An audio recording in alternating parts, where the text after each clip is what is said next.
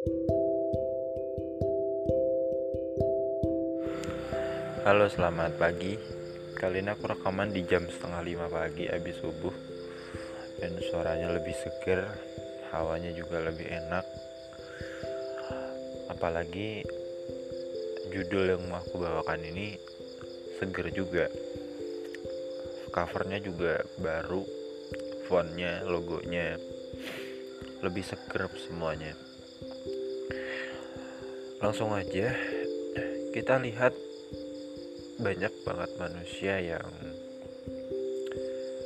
terkungkung di dalam penjara yang dibuat manusia lain atau penjara yang dia buat sendiri.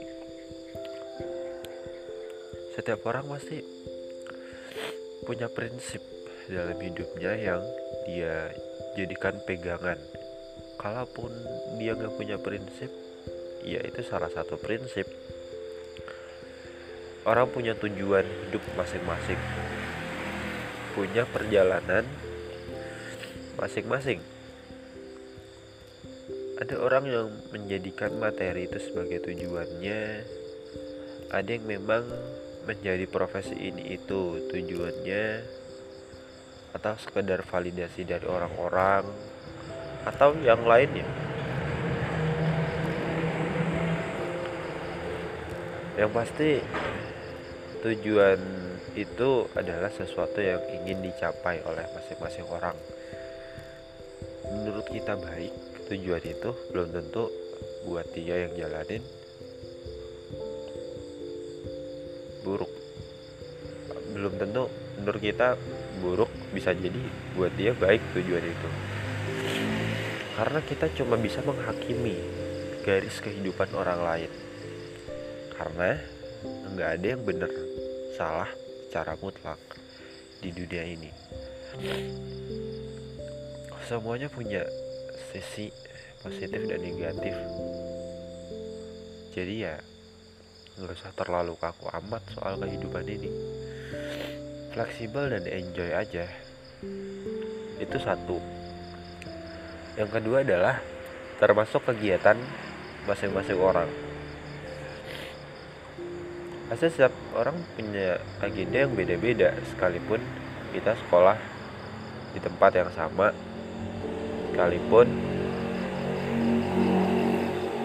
kita tinggal di negara yang sama atau yang lainnya. Aku pikir gak ada satu orang pun yang plek sama 100% sekalipun dia anak yang kembar. Baju boleh kembar tapi pola hidup nggak mungkin sama. Pasti ada perbedaan-perbedaan.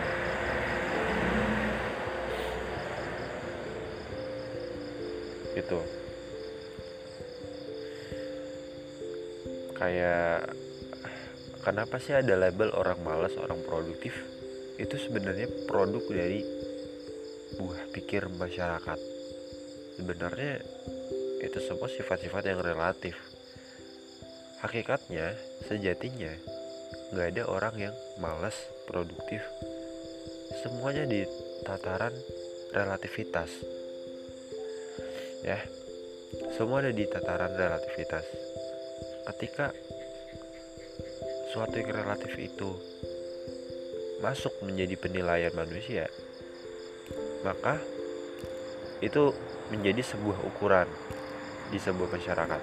Contoh, Sifat-sifat malas, rajin, produktif, bodoh, pinter itu anggap aja kita beli beri nama A, B, C ya. Karena ketika itu udah dinamai, maka itu udah dijadikan sebagai ukuran. Apakah baik seperti ini? Sebenarnya bukan soal baik buruk, tapi soal ini sebenarnya hanya membantu masyarakat aja.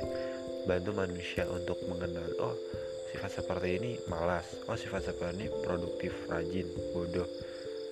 Itu sebenarnya sifat-sifat yang awalnya biasa-biasa aja tapi ketika orang udah menjadikan itu sebagai ukuran dalam hidupnya menjadikan itu sebagai pembeda mendiskriminasi sebuah nilai itu yang jadi masalah.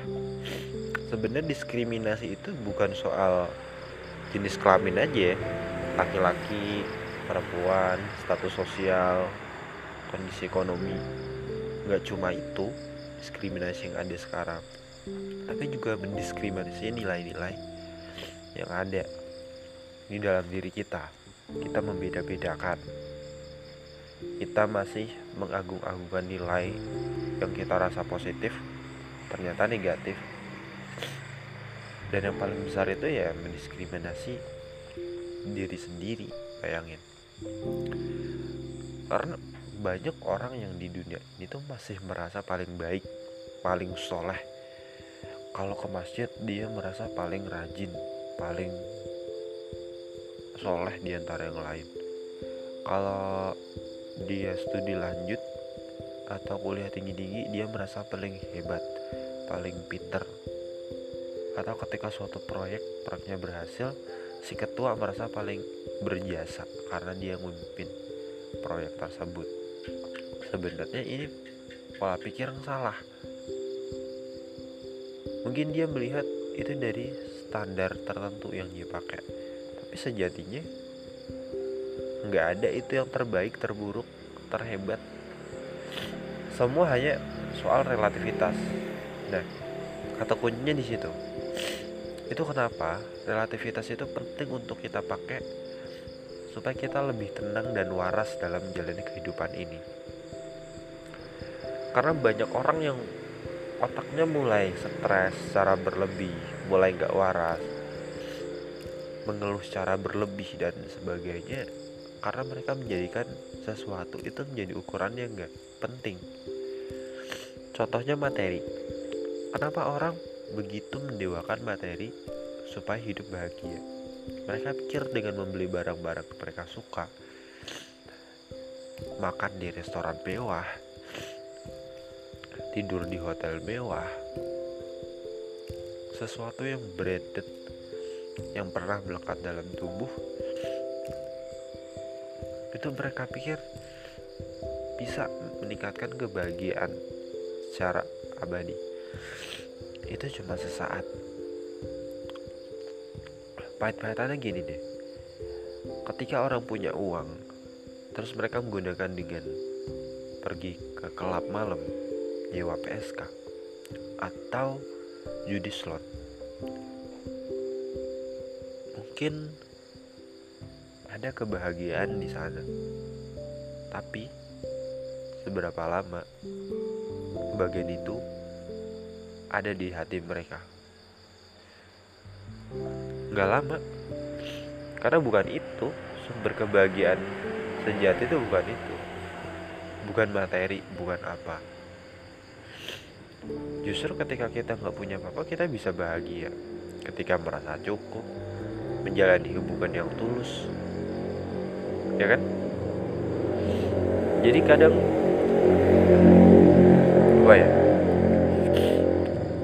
Ketika kita terlalu dalam mengikuti aturan-aturan sosial di masyarakat bahwa baju harus gini harus gitu iya tahu kalau itu ya kita harus menjunjung aturan di mana kita berada. Tapi itu kan hal-hal normal yang masih bisa kita ikuti semua orang masih bisa mengikuti masih bisa diterima kayak oh kalau berpakaian tuh kayak begini yang sopan gitu.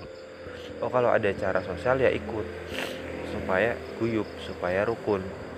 Itu nggak masalah diikuti ya kan? Tapi yang nggak wajib diikuti itu adalah standar-standar yang mendiskriminasi nilai-nilai kita bahkan diri kita sendiri. Kayak sering kan misalkan ada anak tetangga yang kuliah di luar negeri eh si itu loh kuliahnya di luar negeri masa anakmu enggak? Eh si itu loh gajinya udah segini. Eh si itu loh istrinya cantik. Masa kamu belum nikah nikah ketika hal tersebut menjadi pembanding menjadi compare menjadi ukuran bahwa oh si ini harus dilanjut berarti positif. Anakmu nggak ngapa-ngapain negatif kayak label-label yang sebenarnya nggak perlu.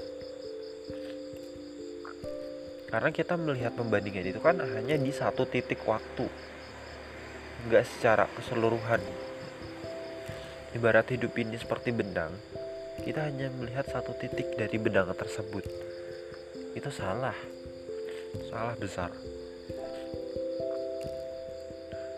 Kenapa karena hanya membuat hati makin sakit pikiran makin overthinking dan akhirnya hidup kita seperti racun. Kayak orang-orang bodoh yang membuat konten viral lalu klarifikasi. Kenapa? Dia sebenarnya udah tahu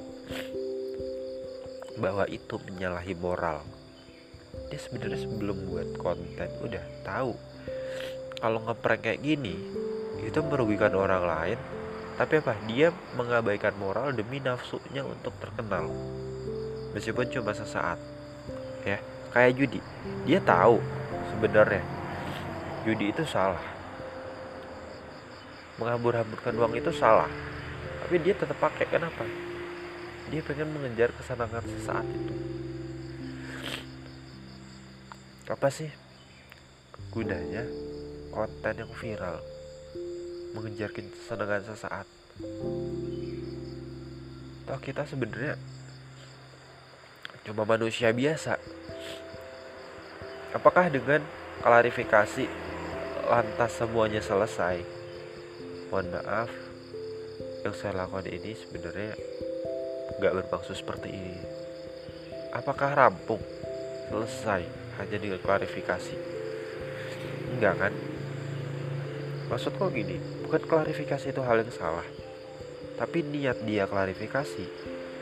Dia bukan benar-benar minta maaf tapi hanya sebagai formalitas bahwa oh kalau orang begini biasanya klarifikasi kok. Kayak gitu.